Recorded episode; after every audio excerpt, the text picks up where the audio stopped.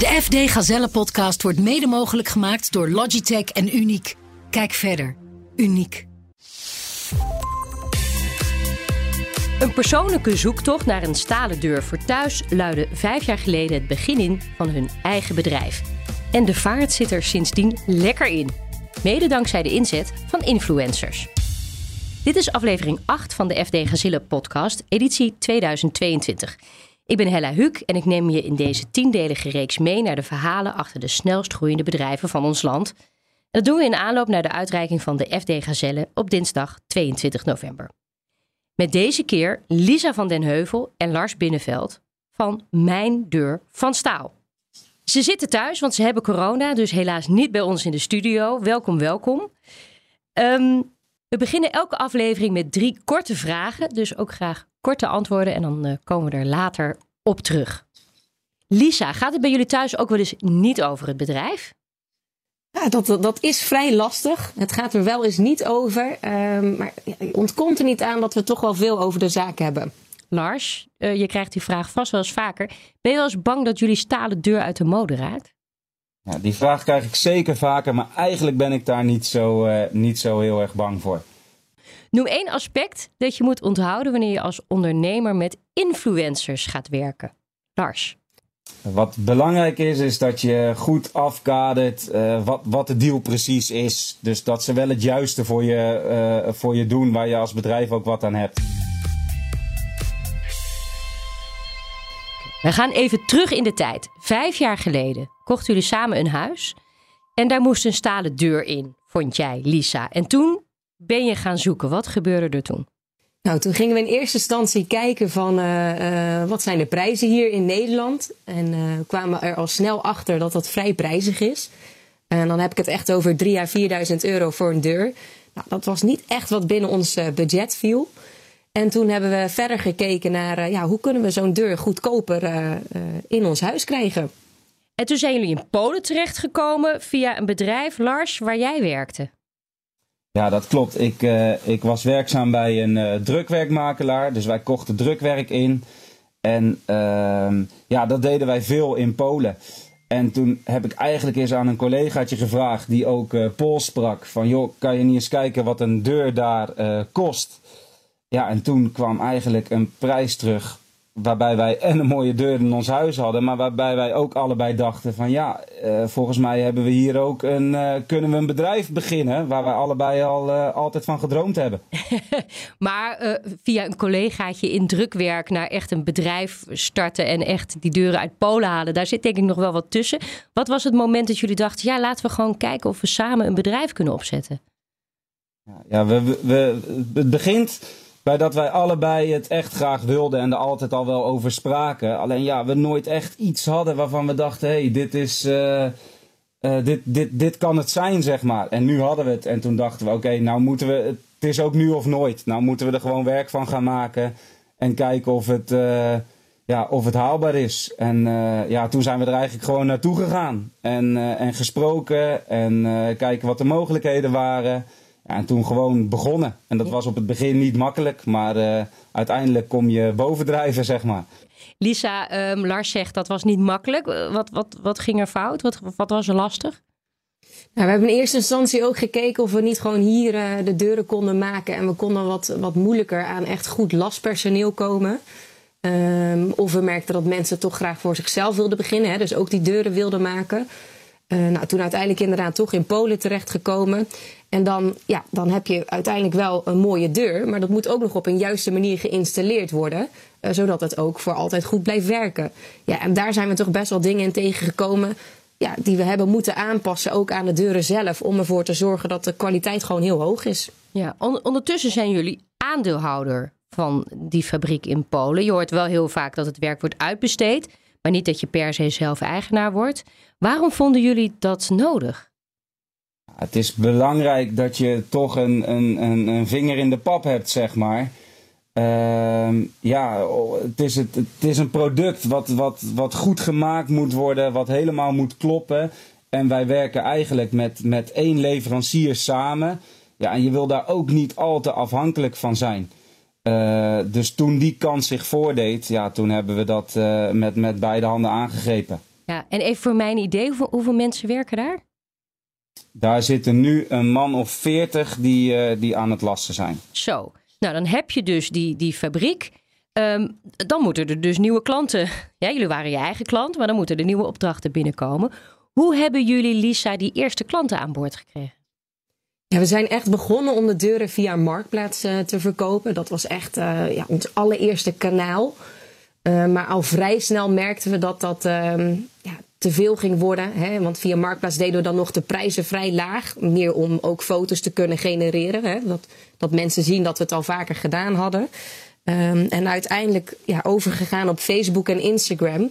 En tot op de dag van vandaag ja, doen we nog steeds heel veel via social media. Ja, dat is jullie belangrijkste kanaal eigenlijk.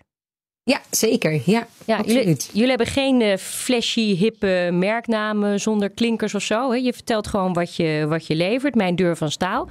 Was dat bewust om bijvoorbeeld beter vindbaar te zijn in Google? Nou, ik moet eerlijk zeggen dat we daar echt wel over nagedacht hebben. Hè. We hebben wel echt gekeken naar, uh, willen we wel zo'n uh, flashy, hippe naam? Um, of willen we gewoon een partij zijn waarbij je weet, this is what you get. En um, ja, uiteindelijk kwamen we zo op mijn deur van stijl. Ja. Inmiddels leveren jullie aan zo'n 700 klanten. Uh, waar zit de meeste vraag? Is dat nou in nieuwbouwprojecten of mensen die gewoon gaan renoveren en renoveren die hun hele huis ombouwen? Ja, ik, ik zou zeggen dat het meeste is toch wel nieuwbouw, maar ook renovatie komt, komt zeker voor. En wat we bijvoorbeeld nu weer uh, op dit moment vaker tegenkomen, is mensen zitten bijvoorbeeld met de gasprijzen. Ja, die hebben een open trap in de woonkamer en die zeggen dan van ja, ik wil daar toch, ik wil dat even afgesloten hebben. Um, dus het meeste is nog nieuwbouw, maar het, het, ja, het wisselt wel een beetje naar, naar de vraag van het moment, zeg maar. Lisa van den Heuvel en Lars Binnenveld zijn mijn gasten. We praten zo meteen verder. Maar eerst een concrete groeitip. Deze keer komt die van Nikki Seelen. Ze is business designer bij Business Models Inc. Het is super mooi als je businessmodel vandaag in de lift zit. Maar hoe ga je er nou voor zorgen dat je in de toekomst ook relevant blijft voor je klanten?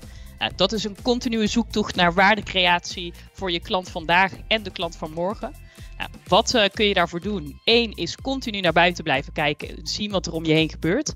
Wat zijn nou technologische ontwikkelingen? Hoe veranderen klantenbehoeften? En leer vooral ook van andere bedrijven, niet alleen in jouw industrie, maar ook daarbuiten. En als je dan ziet uh, dat er kansen zijn, voordat je nou heel groot daarop in gaat zetten, blijf vooral in gesprek met je klant en leer wat zij uh, als waarde ervaren en wat ze bereid zijn om daarvoor te betalen. Dus uh, eigenlijk blijf valideren of de kansen die jij ziet ook echt de kansen zijn waar jouw klant blij van wordt. Dus valideer voordat je je product of service groots gaat schalen. Nikki Seelen was dat van Business Models Inc. Lisa van den Heuvel en Lars Binnenveld. Ja, wat ze in feite zegt, ga nooit achteroverleunen en denk dat je product de eeuwigheid heeft. Geldt ook wel voor jullie, denk ik. Want ik hoor het wel vaak hoor. Zo'n stalen deur, visgraatje op de vloer, kookeiland. Het kan uit de mode raken natuurlijk. Denken jullie daarover na? Ja, absoluut. Ja, zeker. Uh, nu zijn we zelf niet zo bang dat het uit de mode raakt. Kijk, we zien natuurlijk wel een verschuiving in, uh, in kleur bijvoorbeeld of in ontwerp. Waar we voorheen voornamelijk begonnen met echte industriële deuren. Klodders van lasnaden noem ik het maar even en, zwart voornamelijk ja, is het de laatste tijd wel meer verschoven naar metallic coatings, uh, ronde ontwerpen. Ja, en dat zijn wel dingen die niet elke staalpartij kan. Ja, dus daar wil je eigenlijk ook mee, want er zijn denk ik natuurlijk vast meer aanbieders. Uh, waar willen jullie dan ten opzichte van de concurrentie in, uh, in onderscheiden? Is dat ook inderdaad het, het aanbod? Ja. Zeker, oh. zeker. Ja, het is een stukje aanbod. Uh, gewoon meegaan, gewoon goed luisteren de klanten die in de showroom komen, wat willen ze nou? En dan kom je er eigenlijk al heel gauw achter dat de, de standaard viervlaks en de drievlaks, ja, dat begint minder te worden. En, ja, en daar moet je gewoon op, op inspelen. Dus als een klant bij ons komt met iets aparts, uh, ja, dan gaan wij daar gelijk naar kijken. En, en, en ja, kijken of we dat kunnen maken en hoe we dat kunnen maken. En, ja, en zo blijf je gewoon altijd bij. Ja, nou, jullie vertelden net van het begon op Marktplaats. En nu zeg je van ja, we hebben ook een, een showroom en een webshop natuurlijk. Zo'n showroom, uh, Lisa, is, is, dat, is dat belangrijk in deze tijd? Dat je echt ook fysiek een plek hebt waar mensen naartoe kunnen komen? Ja, absoluut. Zeker met, uh, met een product als dit. Hè. Er zitten ook wat. Uh, ja, wat, wat dingen waar je rekening mee moet houden, zoals bijvoorbeeld plinten of afwerking van de muren. Ja, wij vinden het fijn om op echt een persoonlijke manier uh, te kijken van wat wordt het huis van de klant en waar moeten zij nou precies rekening mee houden om ervoor te zorgen dat ze achteraf niet uh, ja, tegen verrassingen aanlopen. Ja, nou doen jullie ook zaken met, uh, met BN'ers en met influencers. Hoe komt zoiets tot stand? Hoe zorg je ervoor dat die mensen met jouw producten online willen staan, zeg maar? Het grappige is dat we eigenlijk nooit uh, hebben nagedacht over samenwerken met influencers. Maar dat we op een gegeven moment zo vaak benaderd werden door, uh, door BN'ers. Voornamelijk via Instagram. Om, uh, ja, om eens met hun samen te werken. En dat we eigenlijk vanuit daaruit met het team besproken hebben van zullen we het gewoon een keer gaan doen. Uh, ja, en dat beviel eigenlijk wel. Dus vandaar dat we dat nu uh, ja, zeker de komende tijd wat vaker zullen gaan doen. En dan betaal je ze ook? Of, of is het wel gewoon puur van, oh, ik vind het een mooi product, ik uh, doe het gewoon voor nop, zeg maar? Ja, ja, het verschilt een beetje. we betalen ze eigenlijk nooit. maar we geven wel eens de deur of deuren gratis weg. Maar ook dat verschilt een beetje met wie we samenwerken. Het is niet zo dat als iemand met ons samenwerkt, dat ze altijd de deuren maar helemaal gratis hebben. Uh, ja, het hangt er een beetje vanaf ook wat hun statistieken zijn en wat, wat ze ervoor terug doen. Ja, maar zie je na zo'n video dan meteen uh, ploep, het aantal bestellingen binnenlopen? Uh, nee, bestellingen niet, maar wel uh, aantal volgers. Hè. En ja, omdat onze grootste doelgroep of de grootste klanten wel via social media komen, is een groter bereik wel belangrijk. Uh, en we merken wel dat als mensen bij ons dan uiteindelijk uitkomen, dat zeggen: Oh, we komen bijvoorbeeld, hè, in dit geval D, en we komen via D bij jullie uit. Dus je, je ziet dat uiteindelijk zeker terug. Ja. Toen ik jullie aan het begin vroeg van waar moet je mee opletten als je met influencers zaken doet, toen zeiden jullie ja, we moeten het, je moet het goed afkaderen. Wat bedoelden jullie daarmee? Nou kijk, de, de influencer die komt eigenlijk, die wil het, een gratis deur. Daar komt het uiteindelijk op, op, op neer. En ja, daar kan diegene iets voor terug doen. Maar dat kan natuurlijk in verschillende dingen. Dat, dat kan een, een dagverhaal zijn. Dat kan een, een foto zijn bij de deur die jij vervolgens mag posten op je Instagram. Maar dan is het ook bijvoorbeeld goed om af te kaderen. Oké, mag, ik, mag ik dat promoten? Mag ik die foto, mag ik daar promotie op, op aanzetten? Uh, wat voor verhaal ga je dan maken? Wat voor filmpje ga je maken? Ja, dat, dat, dat moet ook passen bij wat jij op dat moment nodig hebt, zeg maar. Mm -hmm. En het heeft wel eens een keertje niet gepast. Heb je een voorbeeld dat je dacht, oh, hmm, achteraf hadden we dat beter niet kunnen doen? Ja, dat is een beetje saai antwoord, maar wij hebben dit vanaf het begin af aan wel altijd goed in de peiling ge gehad, denk ik zelf. En uh, ja, we hebben onszelf erop ingelezen wat werkt, wat werkt goed. Weet je wel, een, een, een, een reel maken of een filmpje maken, ja, dat doet het vaak heel goed. Dus wij zijn wel uh, dat we ook terugvragen gelijk van ja, we willen graag een filmpje en we willen een foto van jou naast de deur hebben die we ook op onze website mogen zetten. Dus we hebben eigenlijk nog niet echt meegemaakt dat we gedacht hebben van oké, okay, hier hebben we niets aan gehad. Ja, of dat je geen deur meer kon leveren omdat ze allemaal naar de influencers gingen. Ja, nee, dat, dat, dat soort dingen hebben we nog niet meegemaakt. Er is natuurlijk, we horen natuurlijk heel veel over krapte op de arbeidsmarkt. Zeker in die installatiebranche ook. Stel, je krijgt er morgen vijf installateurs bij. Zou je ze meteen kunnen wegzetten? Hebben die het meteen heel druk? Uh, nee, nog niet. Maar dat zou ik denk ik wel binnen een half jaar gerealiseerd kunnen hebben. Kijk, het is inderdaad lastig om nu aan mensen te komen. En daarom is het ook belangrijk. Groeien is leuk. Uh, en dat willen we natuurlijk uiteraard ook. Alleen het moet wel in de branche waar wij in zitten, moet het uh, gestaag gaan, zeg maar. Ah, want als je in één keer uh, heel veel marketing zou doen en je zou in één keer heel veel orders naar binnen halen, ja, dan loopt het spaak in je productie, uh, in je installatieproces.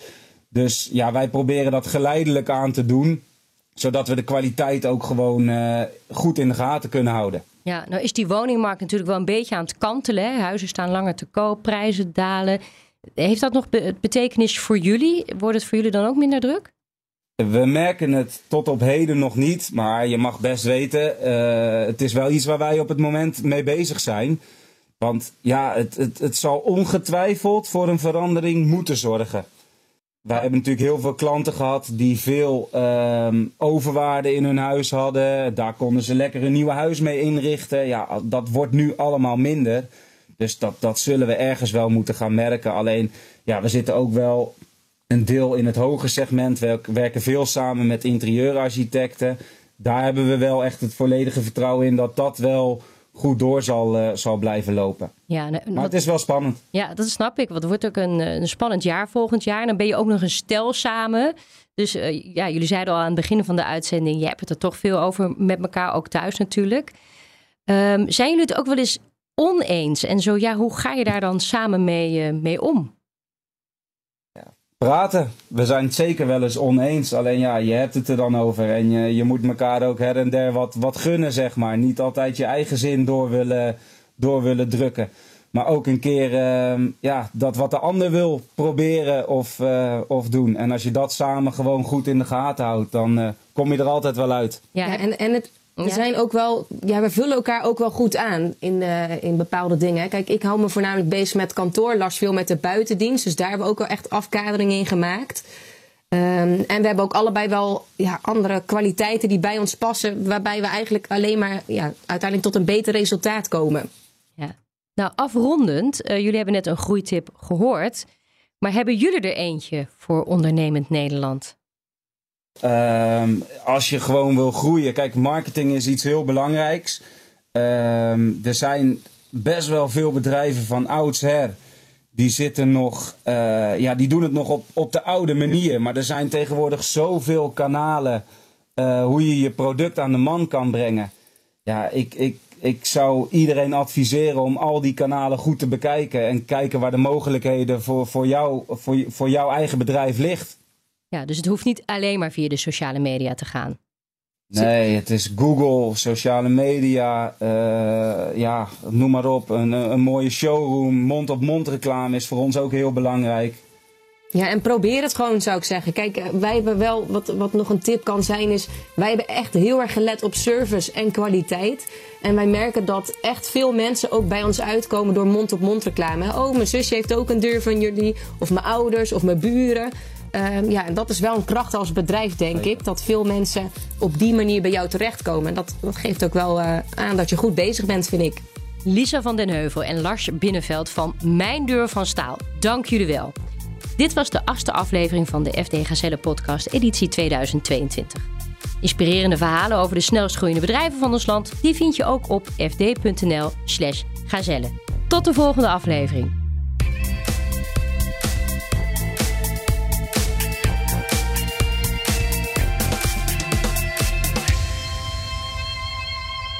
De FD Gazelle podcast wordt mede mogelijk gemaakt door Logitech en Uniek. Kijk verder. Uniek.